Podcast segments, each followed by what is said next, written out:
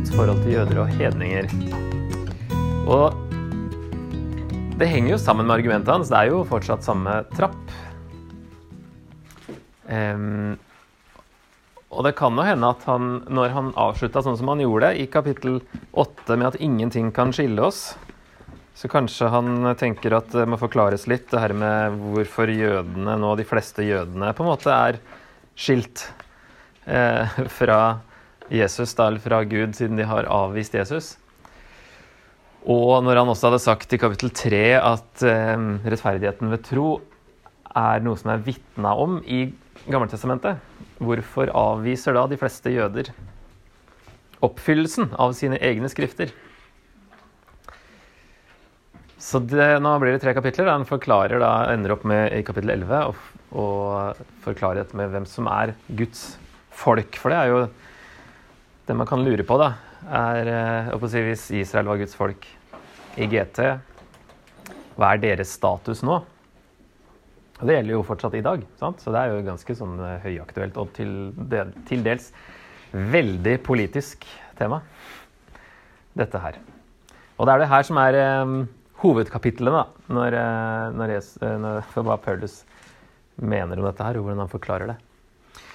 Så um, noen spørsmål som blir som, som at det er Paulus, uh, i Paulus sitt hode, eller som lesernes hode, kanskje. da. Um, hvis jøder ikke har noen fordel i frelsen, som han har forklart ganske grundig, hva skjer da med deres status i GT som Guds utvalgte folk? Hvis også hedningekristne kan kalles Abrahams barn, som han gjorde i kapittel 4, og Guds barn i kapittel 8, arvinger til Guds herlighet, og de har Guds ånd, har Israel da blitt erstattet? Erstatningsteologi er et ord som uh, kan dukke opp i denne sammenhengen, ja. Hvordan er den nye pakt en fortsettelse av den gamle? Som han da sa i 321. Ikke sant? Det den har vitna om i GT. Hvorfor ble Jesus da avvist av de fleste jøder? Henger evangeliet sammen med løftene til Israel? Og hvis nei, hvis de ikke gjør det, hvordan kan kristne stole på Guds løfter til dem hvis han har gått tilbake på løftene han ga til Israel? Har Gud plutselig bare valgt seg et nytt folk? Når han plutselig nå velger de kristne. altså Det er jo jøder òg, ikke sant? Det er ikke hedninger, men det er alle som tror på Jesus, uansett hvem du er. Men hvis det plutselig nå er blitt eh, eh, kriteriet, hva slags garanti har vi da for at han plutselig ikke velger seg et nytt folk igjen? Det er litt eh, Guds uh, pålitelighet som uh, er litt uh, på tiltalebenken her, da. Hva er det Gud Altså har Guds plan, Guds ord, slått feil, som han sier i vers 6. Så Paulus vil nå, nå forklare at evangeliet ikke er en annullering av løftene til Israel i Gammeltestamentet, men en bekreftelse og en oppfyllelse. Så det er masse gammeltestamentlige sitater her. En tredjedel av alle Paulus sine GT-sitater fins i de tre kapitlene her. Så det er veldig mye for å vise sammenhengen med Gammeltestamentet. Vise at Gud er eh, konsekvent. Det er hans, eh, han oppfyller løftene sine. Men at vi kanskje må tenke litt annerledes om hva oppfyllelsen er. Se på, se på tekstene en gang til. Så han har tidligere nå eh, irettesatt jøder som tror at de har en fordel i frelsen, frelsen fordi de er jøder. Og så nå snur han seg kanskje litt mer til hedningene, som tror at eh, Gud er helt ferdig med jødene. Så hvis vi leser de første fem versene Jeg taler sannhet i Kristus, jeg lyver ikke. Min egen samvittighet bekrefter det i Den hellige ånd. Jeg bærer stor sorg i hjertet og plages uavbrutt. Ja, jeg skulle gjerne vært forbannet og skilt fra Kristus om det bare kunne vært til hjelp for mine søsken som er av samme folk som jeg. De er israelitter, de har retten til å være Guds barn, og herligheten, paktene, loven, tempeltjenesten og løftene tilhører dem. De har fedrene, og fra dem stammer også Kristus, han som er Gud overalt. Velsignet i all evighet. Amen. Amen. Amen. Ja. Og det er jo sterke ord her, da, i vers eh, tre spesielt. Det er jo en overdrivelse som ikke ville gått uansett, at han kunne ofra seg for alle jødene. Men han, eh, det er en stor sorg han går og bærer på, det her med at de fleste jødene avviste Jesus. Om det bare kunne vært til hjelp for mine søsken som er av samme folk som jeg. Alle de andre israelittene. Jeg bærer stor sorg i hjertet, plages uavbrutt. Så det, her er, det sliter han litt med, det her, da. Skulle gjerne vært forbannet og skilt fra Kristus om det bare kunne vært til hjelp for mine søsken. Så De israelitter de har eh, alle fordelene. Jeg har satt opp en sånn tullegraf til. eller eh, diagram, eller hva heter det for noe. eh, basert på 3-2 og 4-5 Altså ja, 9, 4 og 5. Eh, bare for å vise at jødene hadde fordeler, sant? Selv om det ikke var fordel, å, eh, fordel i frelsen, så hadde de en fordel fordi de hadde Guds ord. De var Guds barn, ikke sant? de var Guds folk i, i, hele veien i frelseshistorien. Hadde Guds herlighet boende hos seg, inni det aller helligste. Hadde paktene. Det er både pakten med altså gamle pakt, Moseloven, da, og pakten med Abraham og med David og alle de her underliggende ja, Ikke underliggende. Abraham er egentlig over. det er den viktigste, kanskje. Men det er mange pakter da, som uh, Gud inngikk med forskjellige personer i Gammeltestamentet som har med Messias å gjøre. Loven hadde de, tempeltjenesten, løftene om at Messias skulle komme. Fedrene, altså Abraham, eh, Isak og Jakob og de tolv stammene, som Gud valgte ut, og ikke minst da at Jesus sjøl var jøde. Han kom jo fra dem. Så de hadde jo en kjempefordel. Og så eh, har de likevel eh, avvist. Selv om de lå så langt foran hedningene eh, på alle disse områdene. Hadde en relasjon med Gud egentlig da, hele veien, helt til Jesus kom. En, enda en graf som ikke må tas alvorlig eh, ser på Israels fremgang i, gjennom, gjennom Gammeltestamentet, så det jo, starter det jo med eh, starter jo på null. Med Abraham blir utvalgt, og så går det vel oppover, da, fram til Moses. Og får loven. Eh, helt til eh, de skal inn i landet, og Josva dør, og dommertiden begynner, så går det nedover. Og nedover og nedover. Og Folket er eh, ganske på tur. Det går nesten under. Um, men Gud redder dem hele, hele tida. Um, kongetiden, ja, og så har vi spesielt da David. Um, men så havner de til slutt i eksil. Så går de nesten under igjen. Og så går det jo litt oppover etter eksilet. Da er de på en måte litt uh, bedre og uh, går mot Jesus. Og så er det noen ekstra forventninger når eh, Akkurat rundt Jesus sin tid, og vi har døperen Johannes, og ikke sant, bare oh, nå skjer det snart. Um, og kanskje Daniels profetier er med om at uh, i det fjerde rikets tid så skulle Gud opprette sitt rike. Og det har kommet liksom til den tida.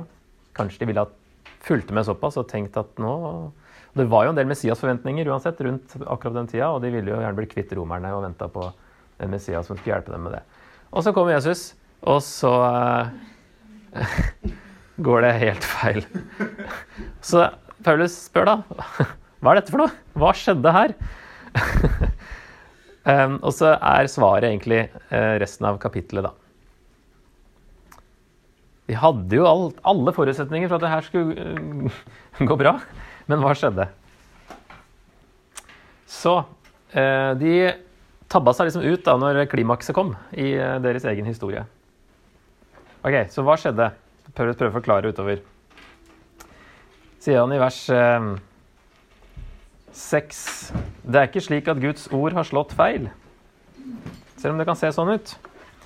For ikke alle israelitter tilhører virkelig Israel.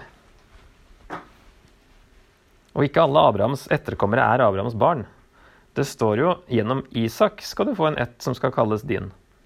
Det betyr det er ikke de som er hans barn av kjøtt og blod, som er Guds barn. Bare dem som er barn ut fra løftet, regner ham som Abrahams ett. For det var et løfte han fikk. Jeg kommer tilbake til deg når tiden er inne, og da skal Sara ha en sønn. Men ikke bare det, også Rebekka fikk to sønner med én mann, Isak, vår stamfar. Før de var født, da de verken hadde gjort godt eller ondt, sa Gud til henne, den eldste skal tjene den yngste. Guds plan og utvelgelse skulle stå fast, og avhenger ikke av menneskers gjerninger, bare av ham som kaller. For det står skrevet 'Jakob elsket jeg, men Esau hadde jeg uvilje mot'. Mulig det står 'hater' i noen av deres oversettelser. så det her spørsmålet først da, Har Guds ord slått feil siden Israel ikke blir frelst? Og så ser det ut som at Paulus sier nei, vi må bare redefinere Israel basert på hva GT sier. Um, og han sier jo egentlig at Israel og Abrahams barn, det er ikke alle fysiske jøder, men det er de troende jødene. Det er det som er egentlig Israel. Som han også sa i slutten av kapittel 2. Den rette jøde er den som er uh, omskåret i hjertet, ikke bare det ytre. Og så trekker han nå inn det her med at i tillegg så handler det om Guds utvelgelse. Det er det som blir litt vanskelig å få has på utover her. Men at ikke alle Abrahams etterkommere, fysiske etterkommere fikk løftet også i GT brøt mange pakten. Fysisk avstamming var ikke nok selv da den gamle pakt gjaldt. Ikke sant? Det var jo ikke Man måtte jo Mange falt fra den gangen òg, selv om man var eh, en del av Israels folk. Og så sier han nå at det er eh, Abraham hadde jo flere etterkommere. Han hadde jo Ismail også, ikke sant? Men det var gjennom Isak at, eh, at eh, bare en som er barn ut fra løftet, regner han som Abrahams ett, for det var et løfte han fikk. Og så kommer det om eh, Isak som skulle bli født. Gjennom Isak skal du få en ett som skal kalles din. Så han sier jo allerede der at ikke alle fysiske etterkommere av Abraham. Det må det snevres inn uansett til etterkommere av Isak. Og så er det dette med barn av løfte. At det var løftet om en sønn som var det som rettferdiggjorde Abraham. ikke sant? Han ble frelst eller rettferdiggjort ved tro på Guds løfte om en sønn. Så det er mulig at um, Paulus drar en parallell da, til at det er den rettferdiggjørelsen ved tro som, som, er det som gjør deg til Abrahams barn. ikke sant? Det har vi sett før, i hvert fall, at han har sagt. Akkurat som Abraham ble rettferdiggjort av tro på løftet om Isak, og ikke fysisk gjennom Ikke Ismail heller, da. Um, og så er det med, med Esau og, og Jakob. Um, der Gud før de var født De var jo tvillinger, de ble født med kort mellomrom. Men uh, Jakob ble da, han var yngst av de to. Men var likevel han som uh, Altså, Guds plan var at den eldste skal tjene den yngste. Og så kommer det i vers 13 det sitatet 'Jakob elsket dem, Esau hadde jeg uvillig mot'. Det er jo ikke fra første Mosebok der historien står, men det er fra Malaki.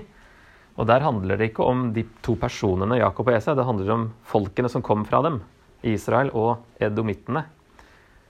Og at de at, Ja, edomittene var Esaus etterkommere. Altså Edom-riket, da. Så når de i Malaki så spør de Eller Gud sier, dere, Gud sier 'jeg elsker dere', og de spør 'hæ, hvordan da? Hvordan har du elsket oss?' Og så sier, svarer Gud 'se på Esau'. altså se på edomittene. Eh, de har gått under på den tida når Malaki har denne profetien, helt, sist, helt på slutten av GT. Eller i hvert fall så ble de kraftig tilbakesatt. Om de ikke gikk helt under, det husker jeg ikke i farten. Men um, så sier at dere er fortsatt et folk, og dere er mitt folk. Det er tydelig at jeg elsker dere. Så det er ikke det at Gud hata Esau fra før han ble født. Det er, eh, handler om Guds plan, Guds utvelgelse. At det var Jakob som var den som skulle ta slekta videre, som skulle føre fram til Messias til slutt. Og gjennom Jakob og hans tolv sønner skulle Israel som nasjon komme, ikke gjennom Esau. Så kan du også si at han Det er ikke sånn at han vraker Esau, men han, han bestemmer at han utvelger den eldste til å tjene den yngste. For å være helt nøyaktig her, da. Han Um, at det handler om utvelgelse, men, han, han, men Eusef får òg en, en, rolle. Han skal tjene broren sin og på en måte hjelpe Guds plan til å skje på et eller annet vis. Så det er litt sånn vrient, men det er, ikke, det er folkeslag det egentlig snakkes om da i eh, kapittel 13. Eh, vers 13, mener jeg. Det er ikke det at Esau ikke hadde noen sjanse til å bli frelst. Ikke sant? Det, han var ikke en del av Guds plan på samme måte som Jakob var. Så neste spørsmål, da fra vers 14. Er det ikke urettferdig å velge ut noen og ikke andre? Hva skal vi si til dette? Er Gud urettferdig? Slett ikke. Måtte det ikke skje? Ikke sant? Det er det samme. Nei, nei, nei, nei, nei. Gud kan ikke være urettferdig. Det er jo et, eh, en tidløs sannhet uansett. For han sier til Moses, 'Jeg viser godhet mot den jeg vil, og er barmhjertig mot den jeg vil'. Så kommer det altså ikke an på den som vil eller anstrenger seg, men på Gud som viser godhet. Og så virker det som kanskje at vers 17 For i vers 17 at det henger sammen med vers 14, at det er en forklaring på at Gud ikke er urettferdig. Ehm, for Skriften sier til farao, jeg lot deg stå fram for å vise min makt på deg, og for at navnet mitt skal bli forkynt over hele jorden. Altså viser han godhet mot den han vil, og forherder den han vil. Ok, Et poeng her er vel at han sier nei, det er utenkelig at Gud er urettferdig, siden han sier slett ikke. På ingen måte. Eh, det er godhet som er poenget. Jeg viser godhet mot den jeg vil, og barmhjertighet mot den jeg vil. Selv og Farao-eksempelet viser jo at selv Guds forherdelse leder til et mye større positivt resultat. Altså Han forherda farao i andre Mosebok for at navnet mitt skal bli forkynt over hele jorden. Farao forherder seg sjøl først, da, og så forherder Gud farao. Og for at det skal bli flere, det skal bli så mange som ti plager, og så er det jo selve utgangen og Sivsjøen som blir eh, noe som sprer seg over hele den kjente verden, og som de har hørt om eh, når de kommer og skal inn i det lovede land. Så sier Rahab at eh, her skjelver de for denne guden deres, fordi vi har hørt om alt han har gjort. Og det er jo 40 år senere. Så de fortsatt er eh, eh, vet om og husker på dette her. Så det, er, det, stemmer jo det at navnet mitt skal bli forkynt over hele jorden. Det var jo det Gud gjorde med å for, forherde farao. Så det har et større positivt resultat når Gud forherder, og så er det at Gud forherder de som At farao blir et bilde da, som han forherder seg sjøl først, og så forherder Gud. Det er ikke det at ser ikke sånn ut at Gud forherder folk sånn at de aldri får en sjanse til å tro. De har allerede valgt noe. Og så er det det at Gud, det er godhet som er poenget. At Gud kan velge ut, i så fall, å frelse noen for farao så sier jo Gud før noen som helst plager har kommet, så sier han at uh, farao kommer ikke til å la dere dra. Det vet han. Og så er det fem første plagene, så er det vel farao som uh, gjør hjertet sitt hardt. Uh, og så er det Gud som gjør det etter det, men det går så i hverandre at det er helt umulig å skille om det er Gud eller farao eller hjertet til farao som gjør det. Men at Gud vet allerede at han kommer ikke til å la dere dra. Og så forherder jeg den kanskje litt ekstra, sånn at det blir mange plager, sånn at alle får hørt om det her. Og det har en effekt med at, som har med frelsesplanen å gjøre. At det var et poeng med at det skulle bli så stort at hele den verden rundt hadde hørt om det, som skulle gjøre eh, overtagelsen av det lovede landet lettere, og som det hadde jo med Messias å gjøre hele veien. Bare for å ha store bilde her, han snakker jo, Når han nevner forherdelse, så snakker han jo om jødene som har avvist Jesus. Det er den forherdelsen han blir tydelig på at det er det han snakker om. Den, at de, de, det at de har forherda seg mot Guds plan og Guds vilje. Og så bruker han farao som et eksempel og sier at ja, det hadde et positivt resultat den gangen. At Guds eh, navn skulle bli kjent over hele jorden.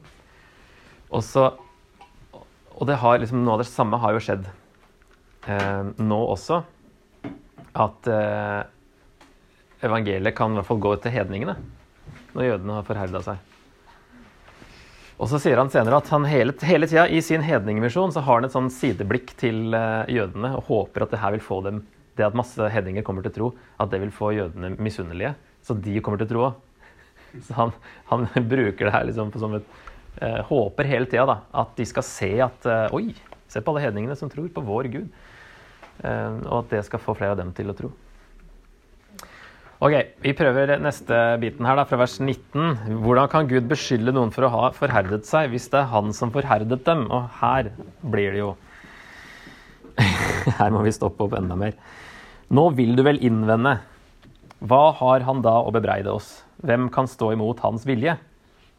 Men hvem er du, menneske, som tar til motmæle mot Gud? Kan verket si til håndverkeren, hvorfor gjorde du meg slik? bestemmer ikke pottemakeren over leiren, så han av samme leirklump kan lage én krukke til fint bruk og en annen til simplere bruk? Og enda Gud ville vise sin vrede og gjøre sin makt kjent, har han tålmodig båret over med de krukkene som var under vreden, de som var laget for å gå til grunne.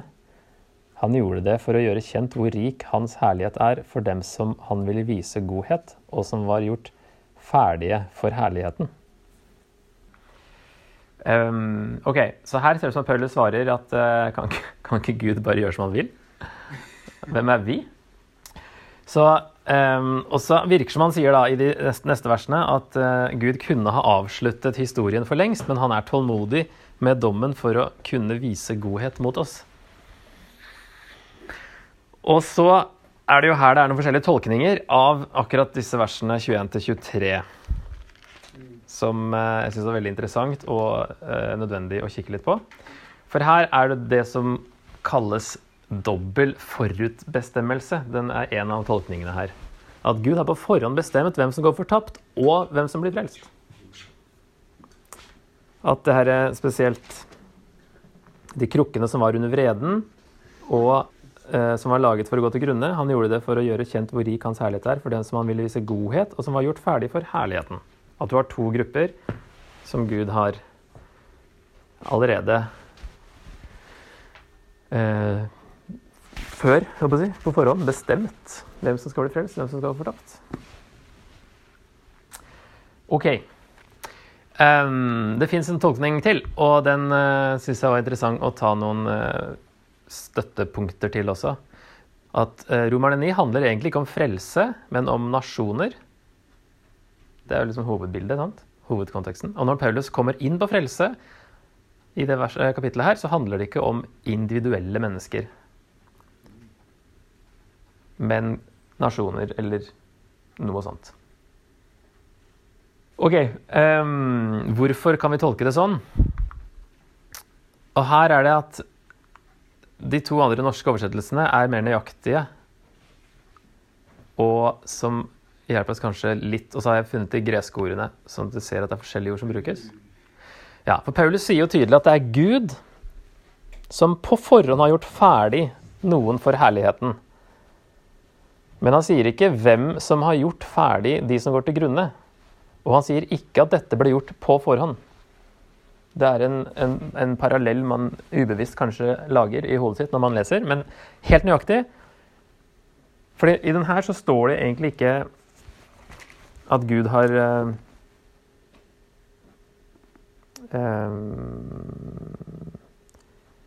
Og som var gjort ferdige for herligheten. Der står det at Gud har gjort det. Helt på slutten av 23.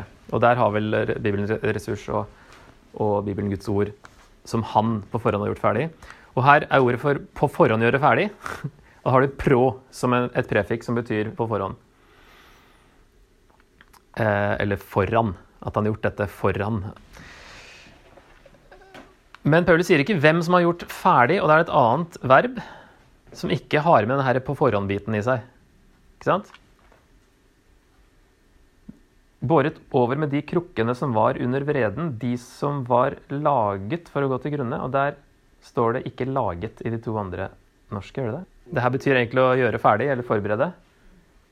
For jeg tror det kan være, Hvis vi leser 'laget', så tenker vi at Gud har skapt dem. sant? Gud har lagd dem og har for, for, bestemt på forhånd at de skal gå til grunne. ikke sant? Men egentlig så var de forberedt. Altså, de, de var eh, på vei til å gå til grunne, da. Um, så det er ikke helt uh, gitt at det er Gud som har gjort det. Når Paulus ikke sier hvem som har gjort det. Og han sier ikke at det er skjedd på forhånd. Det er et annet verb. Og han har jo sagt i begynnelsen av brevet at krukkene som var under vreden, Altså Vi kan tolke det da, som at det er i utgangspunktet alle mennesker som derfor i utgangspunktet er forberedt til å gå til grunne, som han eh, åpna brevet med. Alle krukkene under vreden. Alle mennesker er under Guds vrede, trenger evangeliet for å bli frelst. Hvis vi ikke gjør det, så går vi til grunne. Da er vi forberedt, på en måte. Eh, det er mer tydelig at han, Gud har utvalgt da, i så fall de som skal bli frelst. Men det sier ikke like tydelig at han har utvalgt på forhånd de som ikke skal bli frelst. Og så er det hva, hvordan definerer vi utvelgelse? For det Hvis Paulus snakker her om nasjoner og ikke individer, så må vi kanskje være litt forsiktige med hvordan vi tenker om dette. Og så er jo det, selv om sitatene om eh, leiren som snakker tilbake til eh, håndverkeren, er fra Jesaja i vers 20, så er bildet i vers 21 fra Jeremia om pottemakeren som bestemmer over leiren og av samme leirklump kan lage én krukke til fint bruk og en annen til simplere bruk. Det er fra Jeremia 18. Og der er konteksten at Gud endrer planer med nasjoner ut fra hvordan de responderer. Han har OK, hvis dere fortsetter sånn, så går dere fortapt. Hvis dere vender om, så endrer vi plan. Da skal dere leve. Og motsatt. Dere er på vei riktig vei. Hvis dere synder og bryter pakten, Israel, da blir det dom og straff. Ikke sant? Så det er, det er sånn det bildet brukes. Og da blir eh, det, konklusjonen kanskje da at Gud bruker nasjoner i sin plan. Det er det Paulus vil få fram med å bruke det bildet her. Og at Ismael, Esau, farao og de forherdede jødene, som egentlig er det han snakker om her, i disse tre kapitlene, at de spiller en simplere rolle. Det er det han sier. ikke sant? Edlere. Eller sier han det på norsk? Fint bruk og simplere bruk. Disse krukkene. ikke sant? Da gir det jo mening at fint bruk det er de som ble utvalgt til å være Guds folk. Simplere bruk det er de andre, som også spiller en rolle, men en simplere rolle. Det betyr ikke at de gikk fortapt, alle sammen, men at uh, de fikk en annen rolle. Og så er det det her med uh, det, at ordet 'lage' her i denne her, i hvert fall, brukes jo i, uh, i vers 21. Um, ehm, og det er et annet verb på gresk enn i vers 22 og 23. Så når det står 'laget' her oppe i denne oversettelsen her, at det høres ut som at Gud har laget mennesker, skapt mennesker, som skal gå til grunne, så er det altså et annet verb her, for det er jo konkret en pottemaker som lager leie, ting av leire. Men det er ikke det samme som at Gud har laget. Her oppe snakkes det om at han har gjort ferdig, eller vil si lenger ned i argumentet. At han har gjort ferdig. Han har ikke lagd dem. Det er ikke samme ordet, i hvert fall. Og så bør bildet kanskje ikke uansett tas for bokstavelig. Når det er bilde på en pottemaker som kan gjøre som han vil, så betyr jo ikke det Det er mulig det er derfor de har brukt 'laget' her. da, At de har tolka litt i kontekst av det bildet som brukes. En pottemaker som lager ting, og at Gud lager krukker. Det er jo forståelig det, at uh, det bildet kan tolkes som at Gud er pottemakeren, og han lager noen krukker til edlere bruk, fint bruk, og noen til simplere bruk. Men så blir det litt Hvis du tar det i tillegg til det som egentlig ikke sies tydelig, at Gud har også bestemt at de til fint bruk de skal bli frelst, og de til simplere bruk de går fortapt. Og så har han lagd dem likevel. Det er der det blir problem. Eh, men jeg prøver å gå litt opp på et høyere nivå her, da, snakke om alt det her, utvelgelse og forherdelse og predestinasjon og frivillig, og prøve å, å, samle det litt. Så noen punkter som kan være nyttige, er at som nevnt i stad, farao var allerede i opprør mot Gud. Forherdelsen holdt ham i den tilstanden han allerede var i. I andre Mosebok virker Guds forherdelse og faraos forherdelse som samme ting. Hvis vi ser nøyaktig på det, så ser dere at det er umulig å skille det etter hvert. Og så virker som Paulus snakker om her både en individuell utvelgelse og en kollektiv utvelgelse, og at den individuelle er innenfor den kollektive. Altså den kollektive Israel garanterer ikke frelse. Det var fullt mulig å falle fra. Og så det, snakker han om en individuell utvelgelse, virker det som, men av da troende jøder. Og det utvides i Nytestamentet til å gjelde hedningene også.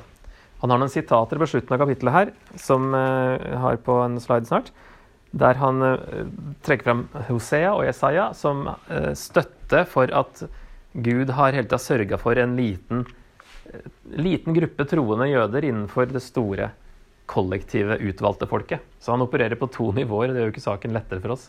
Det er både kollektiv utvelgelse i Israel som folk, og individuell, virker det som, av de troende jødene. Som vi har sett andre steder òg i, i Nyttestamentet, at Gud utvelger.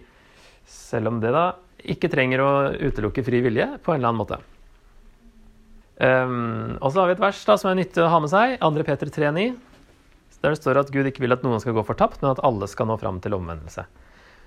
Så hvis Gud ikke vil at noen skal gå fortapt, og han ikke er urettferdig, som Paulus sier i vers 14, så kan vi stole på at han gjør det rette når han forherder. Han vil jo ikke at noen skal gå fortapt. Han sier også, Paulus sier også i første Timoteus, er det vel? To um, fire. Han som vil at alle mennesker skal bli frelst og lære sannheten å kjenne. Og så sier han nå i første Tim fire 10. Eh, Vi har satt vårt håp til den levende Gud, som er frelser for alle mennesker, særlig for de troende. Han er frelser for alle mennesker, men på en egen måte for de som faktisk har trodd på og tatt imot det. Men han vil at alle mennesker skal bli frelst. Så du har flere vers som sier det. Så hvis du skal holde det sammen med forherdelse og utvelgelse, så må vi stole på at Gud gjør det rette når han forherder, at han ser hjertene. Det er folk som allerede er i opprør. Det er ikke folk som aldri får en sjanse. Det så vi i Romerne 1, og vi så det i andre Tessaloniker 2, at Gud gjør sånn av og til. Eh, men vi må stole på at han gjør det rette. Guds nåde gis til de som ikke fortjener det. Forherdelsen kommer over de som allerede pga. sin synd fortjener fordømmelse. Og så kan vi også gå helt tilbake til Abraham. At utvelgelsen av Abraham var misjonal, altså hadde misjonspoeng. Han utvalgte Abraham for at velsignelsen skal komme til alle folkeslag. Alle slekter på jorden. Så han hadde de ikke-utvalgte i sikte når han utvalgte Abraham. Så var det jo fordi han, Gud tenkte på alle de andre som ikke ble utvalgt den gangen. Når han valgte ut én person på hele jorda. Sant? Og så er det alle de andre som var egentlig målet.